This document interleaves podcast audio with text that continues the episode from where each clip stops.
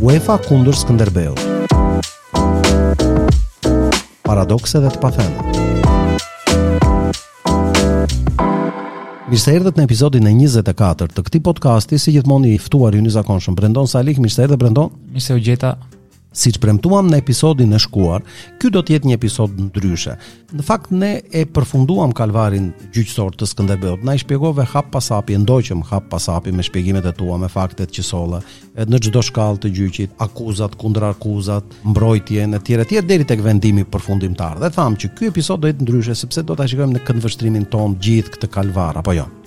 Ekzakt. Sam që do të japim le të themi deri diku një opinion kritik nga ana jonë, në qoftë se mund të quhet kështu, meqenëse dhe vetë podcasti u titullua paradokse dhe të pathëna, atëherë do të shohim në të gjitha këto vendime, në të gjithë këtë rrugëtim, le të themi, gjyqësor të Skënderbeut, që nga raporti i vitit 2016 dhe dënimi i Skënderbeut viti 2016, deri në vendimin final të gjukatës federale në 2020, pra në këtë hark kohor 4 vjeçar, le të themi, do të shohim cilat kanë qenë pak a shumë ato pika ose elementë le të themi kontradiktorë, ato pika ose elementë paradoksalë në një farë mënyre që deri diku janë vënë re besoj edhe nga ju gjatë gjithë episodeve kur i kemi prezantuar ato vendime dhe ato raporte.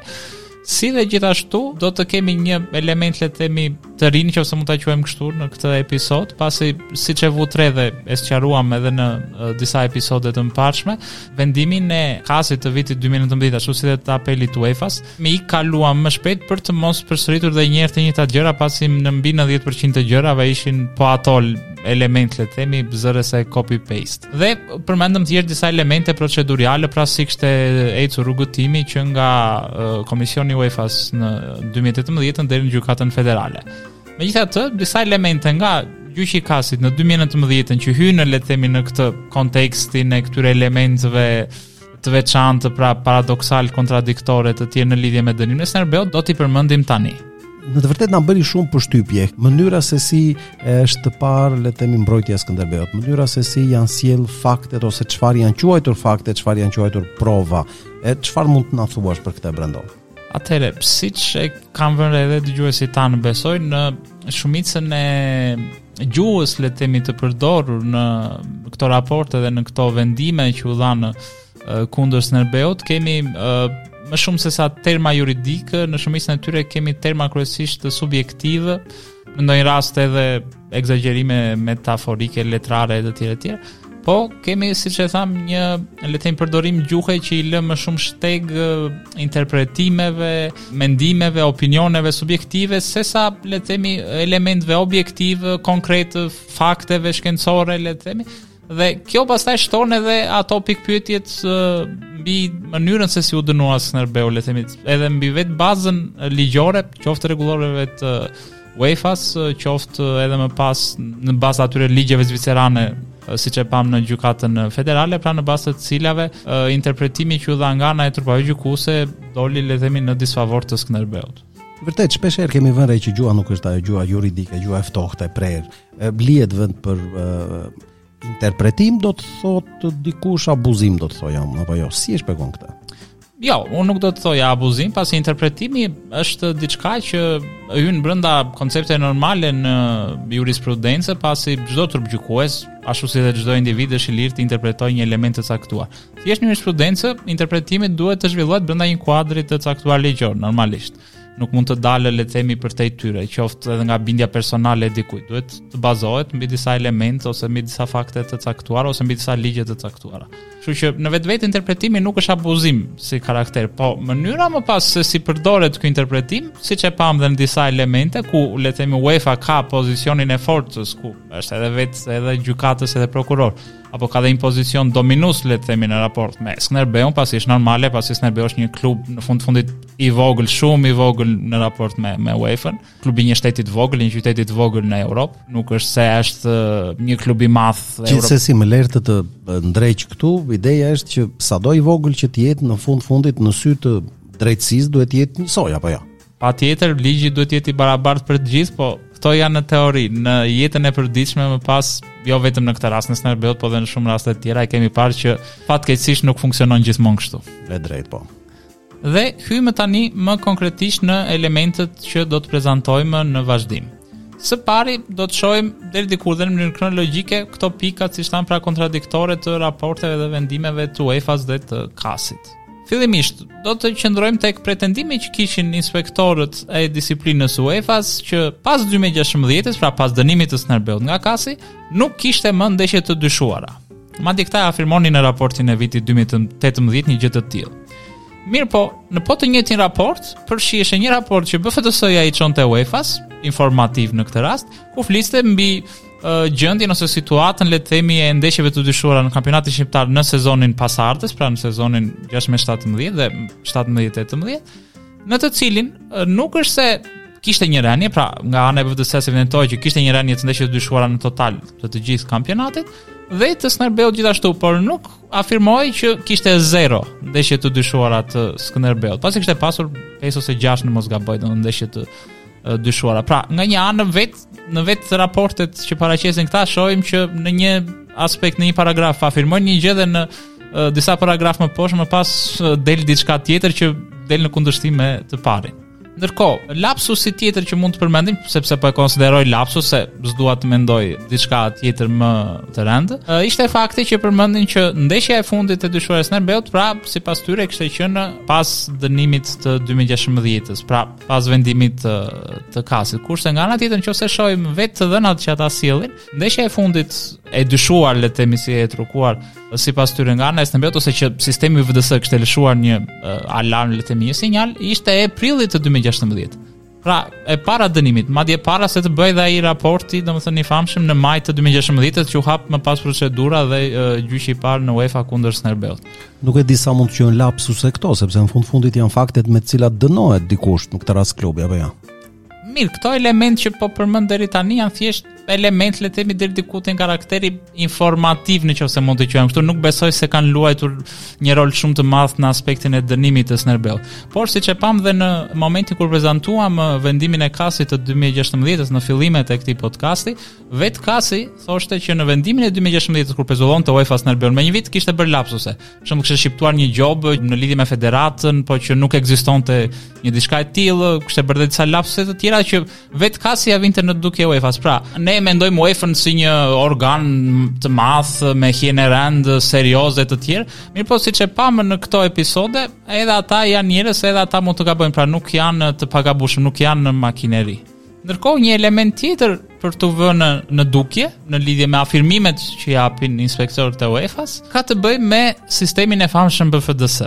Nga një anë propagandohet dhe besoj edhe me të drejtë në këtë aspekt, jemi me UEFA, nuk kemi gjë kundër, pra për luftën kundër uh, trukimit të ndeshjeve, pastërti në sport për fair play e tjerë e tjerë. Deri këtu. Po, në këtë rast jemi pro luftës. Jemi shumë okay. Mirëpo, nga një anë flitet për rrezikun e madh të trukimit të ndeshjeve në këtë rast në futboll, pasi trukimi ndodh edhe në sporte të tjera, por në këtë rast jemi brenda kuadrit të temës. Mirëpo, nga ana tjetër, vetë inspektorët e UEFA-s në raportin e tyre afirmojnë që Nga 32 mijë ndeshje sa shkonin pak a shumë të gjitha ndeshjet në një sezon futbolli në dy kategoritë kryesore të të gjithë federatave anëtare të UEFA-s, plus shtuar edhe ndeshjet e kompeticioneve europiane, pra të Champions League-s, të Europa League-s, turet paraeliminatore, Champions League-a e femrave e të, apo dhe europiani për çështjet e kombëtareve ndeshjet eliminatore.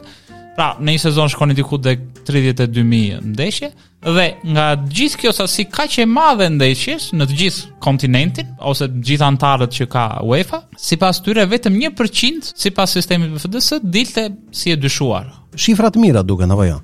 Eksakt, edhe unë të njëjtën gjë uh, mendoj që një shifër e tillë nuk e justifikon këtë, le të themi, frikën e madhe ose këtë luftën e madhe që propagandon UEFA kundër trukimit të ndeshjeve, pasi ose do të qëndrojë 1% dhe të paktën me logjikën tonë një 1% edhe në fusha të tjera jashtë uh, sportit, domethënë edhe për korrupsionin le të themi në shtet apo në institucione të ndryshme, uh, domethënë kriminaliteti në asnjë vend nuk është i zhdukur 100%. Pra nuk përbën le të themi një nuk përbën një shifër le të themi të rrezikshme po. të nivelit të lartë. Pra, o do qëndrojë 1% ose do qëndrojë rreziku i lartë dhe o e ka raportuar keq Sportradari, o këta inspektorë të UEFA kanë interpretuar gabim shifrat, ose po deformojnë realitetin më pas të dyja palët për interesat e tyre. Megjithatë kjo është punë për ta, le ta zgjidhin ata. Pra, ideja është sado e dyshimtë që mund të duket kjo për njerëz le të themi si puna jonë që jemi jashtë këtij sistemi monitorimi apo jashtë instancave të UEFA-s. Një pyetje shumë logjike që mund të ngrihej këtu është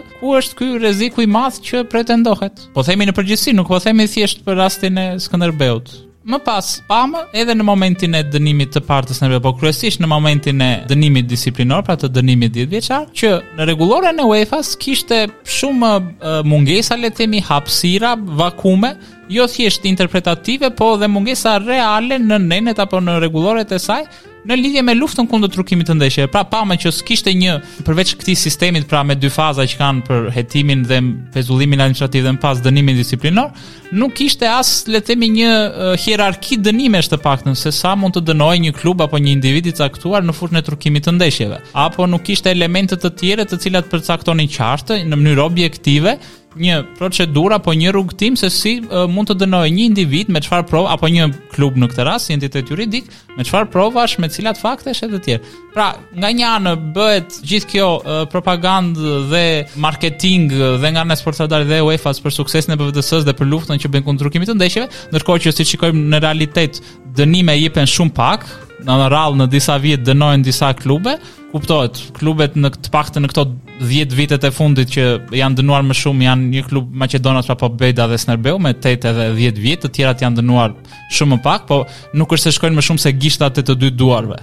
Pra, edhe këto shifra dënimesh në fakt reflektojnë kam përshtypjen këtë 1%-shin më shumë që thonë këta rrezikun sesa këtë rrezikun e madh, sepse po të ishte rreziku aq i madh sa ç'pretendoj, Nuk dënoheshin kaq pak ekipe, kam përshtypjen duhet të dënoheshin ose do ishin dënuar më shumë skuadra dhe klube të ndryshme në të gjithë Europën. Dhe në qoftë se dëshira vetë e një institucioni siç është UEFA në këtë rast është që të zhdukë ose ta luftojë sa më shumë të jetë e mundur një fenomen të tillë, atëherë unë në qoftë se do isha në, në, në vendin e UEFA-s apo besoj kushdo që të ishte në atë pozicion, gjëja e parë që do bënte është të përcaktonte në rregulloren e tij në mënyrë të qartë, të shkruar le të themi në mënyrë ligjore, në mënyrë objektive se si do të luftohej ky fenomen me cilat mjete, cilat ishin nenet që do sanksionoheshin lojtarët, klubet, presidentët, trajnerët e të tjerë apo dhe klubet sa do dënoheshin qoftë me gjobë financiare, qoftë me pezullime e të tjera. Pra, të gjitha këto elemente që normalisht duhen bërë paraprakisht para se të nisë lufta, ata nuk i kanë bërë dhe thjesht mjaftohen me ato nenet gjysëm interpretative, gjysëm subjektive që kanë lënë, që i lënë hapësirë vetes ta vendosin si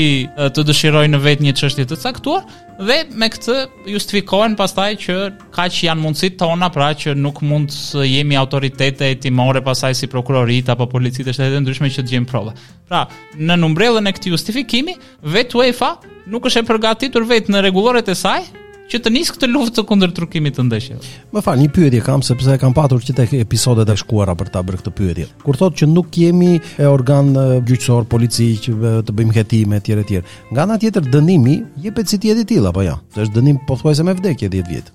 Tani këtu ka një diçka për t'u sqaruar. Paradoksi tjetër në këtë çështje është fakti që me prova kaq të dobëta për t'i quajtur prova në një farë mënyre se janë elementë faktikë kontekstualë e të tjerë se s'janë as prova reale në kuptimin çfarë kuptojmë të gjithë me prova shkencore apo ligjore në procese të ndryshme qoftë civile apo penale në këtë rast përdoret siç e pamë atë standardin më të ulët të provës dhe çfarë quanin këta prova Ideja është që ka një vakum midis këtyre provave të dobëta dhe këtij dënimi ekstrem. Këtu është vakumi tjetër i madh që duhet ritheksuar edhe një herë në këtë çështje. Pra, me prova pak më të forta se këto, pasi siç e pamë në rastet e ekipeve turke si Beshiktashi, Fenerbahçe apo dhe në rastin e Pobedës, që për dy ndeshje u dënua 8 vjet, në atë rast u dënua presidenti, u dënuan disa lojtarë, pati disa prova, mbaj mend edhe një dëshmi anonime ose një letër nga brenda Federatës Maqedonase ose diçka e tillë. dhe në rastet e ekipeve turke kishte shumë më shumë, pasi u gjetën llogari bankare, u dënuan zyrtarë klubesh, u pezulluan lojtarë, pasi u përgjuan, u gjetën dhe mesazhe pra midis menaxherëve, lojtarëve etj. Pra me prova shumë më të forta se këto Skënderbeu dhe kur erdhi puna, Pobeda u dënua 8 vjet dhe klubet turke u dënuan nga 2 ose 3 vjet. Ti thua prova shumë më të forta, unë them prova. Eksaktësisht. Sepse Skënderbeut nuk më duken prova. Eksakt. Mirëpo, këta e riinterpretojnë edhe një herë, le të themi, ligjin në favor të tyre për ta ulur në maksimumin e mundshëm standardin e provës, nën këtë umbrellën e këtij justifikimit pra që s'jemi prokurori, s'jemi polici, nuk mund të gjejmë ose nuk mund të hetojmë le të themi në një hetim normal siç ndodh zakonisht me përgjime, me fatura bankare e të tjerë. Dhe nën këtë justifikim UEFA mbrohet deri diku para uh, organeve ligjore zvicerane. Në këtë rast qëllimi justifikon mjetin sipas tyre pra që për të luftuar trukimin këta janë të detyruar të zbatojnë në këtë mënyrë le të themi ose të interpretojnë në këtë mënyrë rregullat dhe ligjet. Nga ana tjetër, siç e shohim, kjo mund të lërë shteg edhe për abuzim, pasi i lë UEFA-s një pozicion shumë të privilegjuar në raport me çfarëdo klubi, jo thjesht me Skënderbeun. Dhe këtë gjë e vumë re dhe në këtë, pra, përdorimin e precedentëve të tjerë, siç e thamë të Pobedës, të Fenerbahçes, të Beshiktashit e të tjerë, që e citonin dhe në vendimet pas edhe në KAS dhe në gjykatën federale, po nuk mund të përdoren precedentë kur ata nuk kanë ngjashmëri. Domethënë mund të kishte ngjashmëri nga ana proceduriale, pra që u dënuan fillimisht me atë pezullimin njëvjeçar dhe më pas iu erdhi një dënim disiplinor ta zëmë 2 vjet.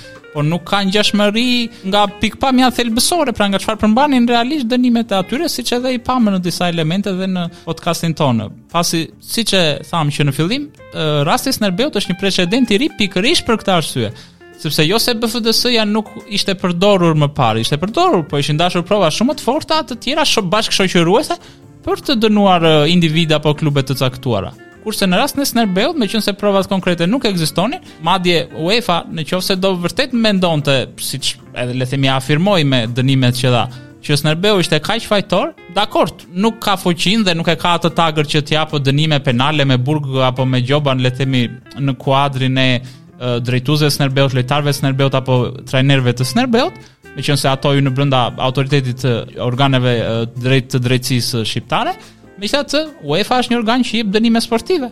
Mund të jepte pezullime, qoftë përjetë, qoftë disavjeçare, apo gjoba, për individët në qoftë se kishte prova. Mirëpo duke qenë se s'i kishte këto prova, arriti deri aty sa nuk dënoi asnjë individ, pra që sipas tyre mund të ishin përfshirë në këtë skenarin e trukimeve të ndeshjeve të Skënderbeut, dhe meqenëse nuk i dënonte dot individët, zgjodhi këtë rrugën pra indirekt tërë barrën ia shkarkoi klubit duke e dënuar klubin me këtë dënim ekstrem.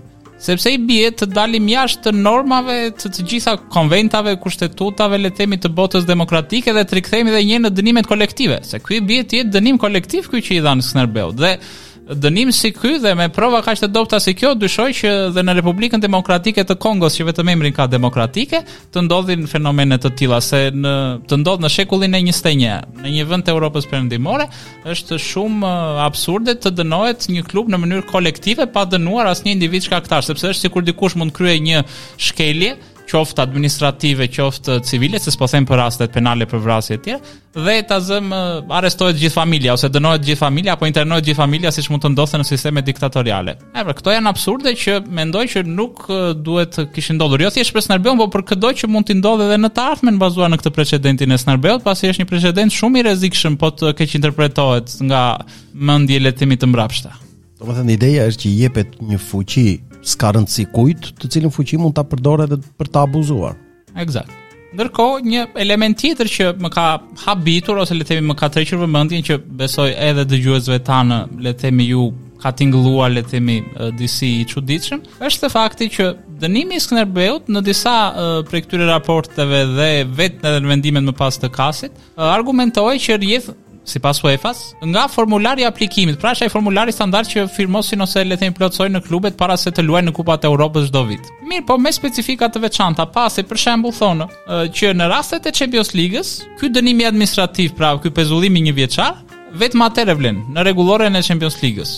Ndërkohë që në qoftë se do të ishim në kuadrin e Europa Ligës, pezullimi administrativ nuk do të vlente sipas këtyre, ose të paktën sipas kësaj që interpretojnë këta. Kurse dënimi disiplinor kuptohet vlen për të gjitha kompeticionet e UEFA-s. Në këtë rast edhe Conference Liga meqenëse është kompeticion i ri që sapo filloi këtë sezon. Mirëpo, kjo ngre një pikëpyetje shumë të, shumë të madhe, pasi ja ta zëmë se Skënderbeu s'ishte kualifikuar në Champions League atë vit, për shembull 2016-ën që ishte madje mbaj mend deri në javën e fundit u diskutua titulli me Partizanin. Ta zëmë se Skënderbeu s'e kishte fituar titullin atë vit. Si i bie, meqenëse Skënderbeu do luante Europa Ligë, nuk do pezullohej një vit administrativisht? Sipas kësaj logjike po. Ekzakt. Dhe kjo është një absurditet tjetër, pasi në qoftë se ti ke bindjen që dikush po trukon ose në këtë rast po kryen një shkelje të caktuar, ti nuk mund të presësh që ai të kualifikohet në Kupat e Europës, të plotësojë këtë formularin dhe më pas ta dënosh, pasi kjo është diçka absurde. Megjithatë, këta kështu e ndërtojnë arsyetimin e tyre. Ndërkohë një element tjetër i çuditshëm le të themi po që siç e thamë ekziston për shkak të këtij justifikimi që përdor UEFA që nuk mund të bëjë hetime të plota gjithëpërfshirëse e tjera, është fakti i uljes së standardit të provës që përdoret dhe ulja e këtij standardi në rastin e Skënderbeut. Pra, Kemi fillimisht atë standardin siç e thamë, pra comfortable satisfaction-in e famshëm, besoj është term që është bërë familjar besoj për shumicën e, e dëgjuesve tanë, pra kënaqësinë e rehatshme apo të mjaftueshme, që siç e thamë edhe në definicionin kur e shpjeguam, pra vetë lë një shtek, le të themi interpretimi ose është një interpretim shumë subjektiv, pasi thotë nga një secili mund të kënaqet në nivele të ndryshme. Më shumë se sa një balancë probabiliteti dhe më pak se një dyshim i arsyeshëm. Pra, është një limit që çdo, jo, jo vetëm çdo trup gjyqësor, por çdo lloj individi mund ta vendosë ku të dojë. Dhe vetë ky parim le të themi apo ky standard prove është në vetvete subjektiv dhe shumë i ulët. Po imagjinoni domethënë për ta dënuar Skënderbeun, as ky standard nuk u përdor në nivelin në thonjëza më të lartë në qoftë se mund të quhet kështu, por u ul edhe më keq se kaq, u ul edhe më poshtë se kaq. Pra përfundimisht Skënderbeu qenka dënuar me dyshime dhe probabilitet apo jo. Ekzakt, edhe me ato algoritmet e famshme të BFDS-së. Ndërkohë që, siç e dimë, futbolli nuk është shkencë ekzakte, nuk është matematikë.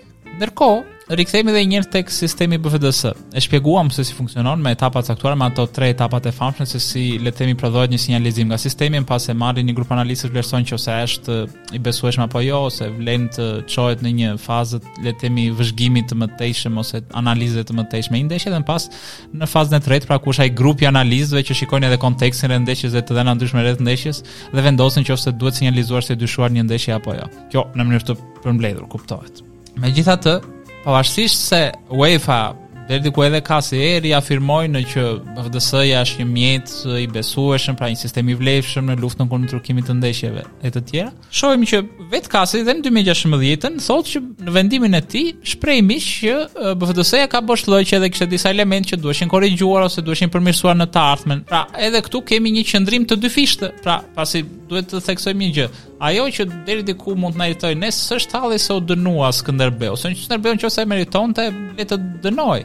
Po ama nuk mund të përdoreshin elemente të tillë për të dënuar një klub apo një individ, as standarde të tilla të dyfishta dhe qëndrime të tilla të dyfishta në të njëjtin moment. Pra, në një anë afirmon një gjë dhe më pas thua të kundërtën. Pra, edhe në këtë rast Kasi thoshte që sistemi BFDS ka nevojë për përmirësime, ka nevojë për uh, rregullore të tjera apo përmirësime të tjera edhe le të themi brenda vetë uh, sistemit që menaxhon Sports Radari. Dhe nga ana tjetër kur Skënderbeu kërkonte aksesin në të dhënat e BFDS-së që UEFA nuk më saktë Sportradari nëpërmjet UEFA-s, lajmëroi që nuk ja jepte për arsyet e tyre, pasi thanë që kishin frikë se ju zbulohej mënyra se funksiononte sistemi e të tjerë, përveç asaj historisë së dëshmitarëve pra të analistëve Sportradarit që dëshmuan në mënyrë anonime për shkak të frikës nga kërcënimet e tjerë. Nga ana tjetër, KAS-i vetë thotë që algoritmi ose le të themi më saktë ajo luatja e koeficientëve në vetvete nuk është mjaftueshëm prova apo element për të dënuar një ekip ose një klub. Pra, në vetvete ai sinjalizimi automatik le të themi që prodhon sistemi kur luatet një koeficient i caktuar, megjithëse ne nuk e dimë se sa e vën koeficientin paraprak këta të BFDS-së dhe sa luatet ai koeficient në raport me atë të, të kompanisë së basteve, se këtë gjë nuk e tregojnë këta, pasi që të quhet një ndeshje e dyshimtë duhet të luatet koeficienti, besoj unë brenda një marzhi të caktuar. Mirëpo, ne nuk e dim sa e vën marzhin këta para ndeshjes, që ta zëmë të thonë pasaj lëvizi marzhi gjatë ndeshjes apo pas ndeshjes. Gjithsesi, kjo që thua që Kasi nuk e konsideron si provë, më duket e logjikshme. Deri këtu jam dhe unë dakord. Mirëpo, në të njëjtën pikë nga një anë e konsiderojnë le të themi që thjesht ajo e dhëna bruto le të themi që nxjerr sistemi nuk mjafton. Nga ana tjetër do të konsiderojnë si element provues raportin pra këtë interpretimin që i bëjnë analistët sistemit BFDS.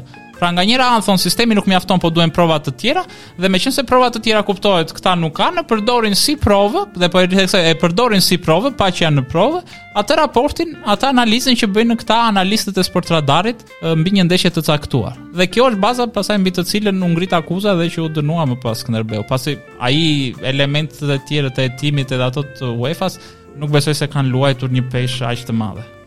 Dhe meqenëse përmendëm hetimin e UEFA-s, po qëndrojmë pak këtu për ta komentuar edhe një herë. Për mua dhe për mendimin tim dhe besoj nuk jam i vetmi, ai hetim që kishin bërë inspektorët e UEFA-s në lidhje me kontekstin rreth klubit me individët e dyshimtë sipas tyre me drejtuesit e klubit me lojtarët apo dhe më pas me perceptimin komtar dhe ndërkomtar që ishte pika më skandaloze sipas meje, edhe një gazetar investigativ, unë kam përshtypjen dhe kemi provuar gjatë gjithë këtyre viteve, jo vetëm në Shqipëri, po kudo, mund të prodhojnë hetime shumë më serioze dhe me prova dhe me fakte shumë më reale sesa ky hetimi që pretendonin se kishin kryer këta dy inspektorët, pasi ky hetim më shumë sesa hetim është thjesht një kërkim në Google, në qoftë se do ta quash kështu që mund ta bëjë edhe një fëmijë nga një iPhone apo nga një tablet. Dhe jo më dy zyrtarë që paguhen me dhjetëra mijëra euro në vit dhe duhet të prodhonin një dokument shumë më serioz sesa ky. Dhe pse po e ritheksoj edhe një këtë një dokument shumë më serioz?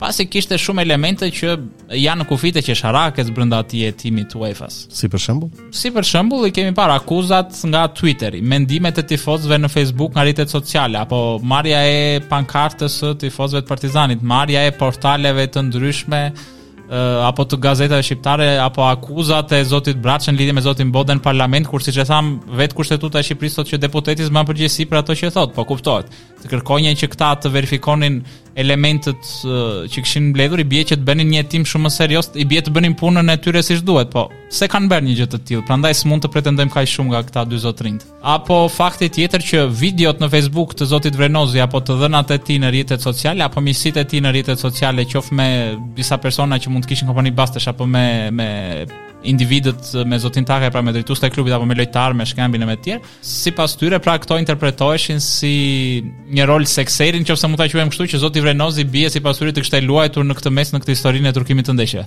Njëkohësisht për mua qesharake dhe për, jo vetëm qesharake, po absurde, është ajo pjesa në lidhje me perceptimin kombëtar dhe ndërkombëtar. Pasi sot në shekullin e 21 të gjykohesh në vend të fakteve, po të opinioneve, që mund të ketë një media e caktuar apo një grup individësh të caktuar, qofshin këta dhe tifozë të Skënderbeut, siç kishin marrë ato komentet e tifozëve të Skënderbeut në Facebook. Është absurde, pasi rikthehemi edhe një herë në kohën e gjyqeve popullore i bie, ku dënoheshin njerëzit në bazë të opinioneve. Dhe më absurdja, ok, këta inspektorët i përmendin në raportin e tyre, po më absurdja sipas meje është që CAS-i i fut në vendimin gjyqësor.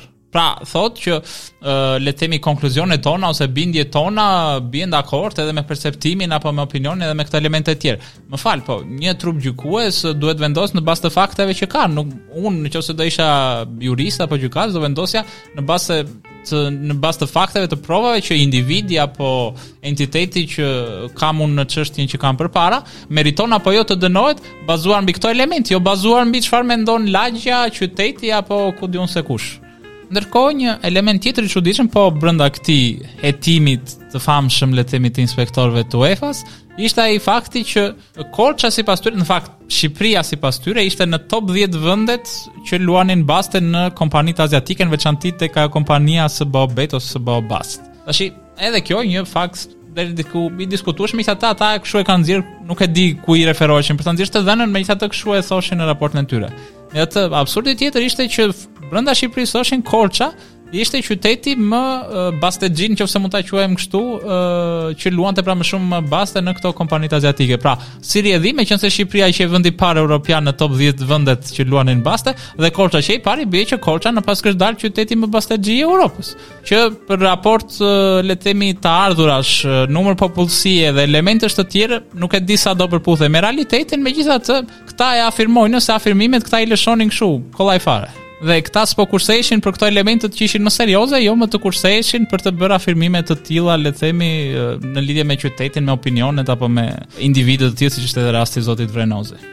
Ndërkohë, një element tjetër shumë i rëndësishëm, madje thelbësor do ta quaja unë në rrjedhën e gjithë kësaj çështje, ishte fakti që Kasi në vitin 2019, pra në gjyqin e 2019 mbi dënimin 10 vjeçar, vendos që të mos i zbatojë Skënderbeut rregulloren e UEFA-s të vitit 2014, por atë të vitit 2017. Dhe këtu do ta shpjegojmë pak edhe për njerëzit këtë aspekt. UEFA ka kryesisht le të themi rregullore që ndryshojnë në një cikël 3-4 vjeçar le të themi. Pra çdo ose 3 çdo 3 ose 4 vjet UEFA i bën përditësime rregulloreve të saj. Pra mund të ndryshojë nene, të shtojë nene të reja e të tjerë. Pra më përpara dhe klube të tjera le të themi që mund të ishin në situatë të ngjashme me Skënderbeun, ta zëm para 10 vitesh, pasi BFDS-ja filloi që në vitin 2009, pra po po zëm vetëm këtë periudhën nga 2009-a e këtej në vazhdim, mbase nuk mund të dënoheshin në të njëjtën mënyrë si Skënderbeu, meqenëse le të themi dhe rregulloret e UEFA-s mbase linin hapësirë për interpretim apo nuk kishte edhe më përpara dhe precedent nga ana e kasit. Deri këtu, ok, shumë në rregull. Megjithatë ndodh diçka që është shumë e rëndë sipas meje dhe që përbën një shkelje këtu nga ana e kasit. Dhe që më pas nuk e di gjykata federale le të themi mbase duke u mbajtur pas atij tagri që nuk hyn edhe një herë në rigjykim, nuk e ka analizuar këtë këtë aspekt pasi e pamë në vendimin e gjykatës federale që nuk përmendej ky element. Kishte elementë të tjerë, po Ky në veçanti jo. Në rregulloren e vitit 2017, ndryshe nga ajo 2014-s, UEFA fut në nen interpretimin pra që ky standard i comfortable satisfaction do përdoret në dënime disiplinore kundër klubeve të caktuara. Prandaj dhe më pas ai standard vendoset t'i aplikohet Skënderbeut. Mirëpo ku është paradoksi, se deri këtu mund të themi, ok, kanë të drejtë të ndryshojnë rregulloren, kanë bërë këtë ndryshim, këtë përditësim në gjykimin e tyre si të vlefshëm në luftën kundër trukimit të ndeshjeve. Deri këtu, ok në parim. Mirëpo, Ndeshjet për të cilat gjykohet Skënderbeu, në veçanti ato për të cilat u dënua, pasi siç e thamë për ndeshjet e kategorisë superiore dhe miqësore, nuk është se u mor njeri, u morën me ato katër ndeshjet pra me Sportingun, me Crusadersin, me Dinamon e Zagrebit dhe me Lokomotivën e Moskës. Pra për këto katër ndeshje këto janë zhvilluar në vitin 2015 dhe duhet gjykoheshin me rregulloren e vitit 2014, pasi i përkasin asaj periudhe kohore. Domethënë ciklit të rregullores ta zëmë 2014-2017 ose 2013-2016, pra hyjnë brenda atij harku kohor. Dhe duhet të zbatoheshin nenet e asaj rregullore. Mirëpo ku qëndron problemi këtu? Pasi mund të thoni, ok, le t'i zbatonin rregulloren e 2014-s. Këtu qëndron dhe e bukura, por në rregulloren e 2014-s nuk ekzistonte ky standard i comfortable satisfaction-it në rastin e dënimeve disiplinore dhe mund të kërkoheshin nga ana e trupit gjykues, le të themi prova më të forta, jo se s'mund të kërkoheshin në këtë rast. Po mungesa e këtij nocioni pra në vitin 2000 në rregulloren e 2014-s mund t'i hapte probleme shumë të mëdha UEFA-s më pas në momentin e gjykimit të çështjes kundër Skënderbeut. Dhe këtë gjë e pranon dhe e afirmon vetë Kasi në uh, vendimin e tij. Mirë, po ku është paradoksi më i madh? Pasi deri këtu mund thoni, ok, po këta paskan bërë shkelje. UEFA shkeljen më të madhe sipas meje e bën në formulimin e këtij neni. Pasi thotë që në mënyrë le të themi prapavepruese, gjë që nuk ndodh, pasi unë mendoj që në shumicën e rasteve nuk ndodh, mund të ketë ndonjë rast të veçantë kush është jurist le të themi të gjejë një rast të, të tillë kur ligje të caktuara kanë efekte prapavepruese. Pasi një shkelje e caktuar, për shembull një parakalim i gabuar, le të themi, apo një shkelje e caktuar, në një vit të caktuar ta zëmë para 10 vitesh mund të dënohej me gjobë, sot mund të dënohet për shembull me heqje patente. Mirëpo nuk mund të gjykohet e njëjta shkelje me në momentin që ka ndodhur me rregullat apo me ligjet e një kohe tjetër. Kështu ka ndodhur edhe në rastin konkret kundër Skënderbeut pra UEFA po e gjykon për ndeshjet e 2015-s me një rregullore të 2017-s. Dhe më skandalozja është që në këtë rregullore të 2017-s ata e kanë ligjëruar këtë proces, duke thënë që në momentin kur rregullorja e disiplinës do të jetë le të themi në favor të apeluesit, pra kushdo qoftë ai, ose është Skënderbeu në këtë rast, atëherë do të zbatohet rregullorja e re. Pra nuk do të zbatohet ligji që ka qenë ose rregullorja më saktë që ka qenë në fuqi në atë kohë, por do të zbatohet rregullorja e re. Gjë që kjo sipas meje është totalisht jo thjesht antilogjike, po edhe e paligjshme do mendoja unë. Është tendencioze. Pra, Skënderbeu nuk u dënua me le të themi rregulloren apo me ligjin që ishte në fuqi në kohën kur ishte pretenduar se ishte kryer shkelja, po me këtë rregulloren e re që madje na paskësh edhe këtë nenin me efekt prapaveprues. Gjë që siç e thashë pra për mua është jashtë logjikës dhe megjithatë nuk kemi çfarë të bëjmë, nuk jemi ne që gjykojmë këto vendime, këto dënime, Janë ata zotërinjtë që i morën. Në këtë rast, për shembull të kasit në vitin 2018, trupa gjykuese pra e përbërë nga dy uh, gjykatës le të themi ose juristë britanikë dhe kryetari i trupës ishte përsëri një spanjoll, pasi në shumicën e rasteve kur është gjykuar Skënderbeu kemi prezencën e nga një spanjolli nëpër trupat gjykuese. Ndërkohë, një element tjetër për t'u përmendur që e vë në dukje edhe gjykata federale është që le të themi ai principi i famshëm ne bis in idem, pra që nuk mund të dënohesh dy herë për të njëjtën gjë, që nga ana le të themi teorike, ata pretendojnë që nuk është shkelur nga ana e UEFA-s dhe e kasit, siç e pamë gjykata federale le të themi nuk ishte shumë dakord që të përdorej në procedura të këtilla ose në procese të këtilla, megjithatë këta e përdorin dhe ata i hynë në argumentim. Megjithatë, nga ana teorike këta mbrohen me faktin që ai gjykimi pra me dy faza, pezullimi administrativ dhe dënimi disiplinor, janë rrjedhojë le të themi e njëri pas tjetrit, mirëpo nuk mund të quhen të njëjtat gjëra, pasi aty më pas do të binin në shkelje. Pra nga ana teorike këta mbrohen me këtë aspekt të interpretimit të atij neni, të nenit 4.2 të rregullores së Champions Ligës.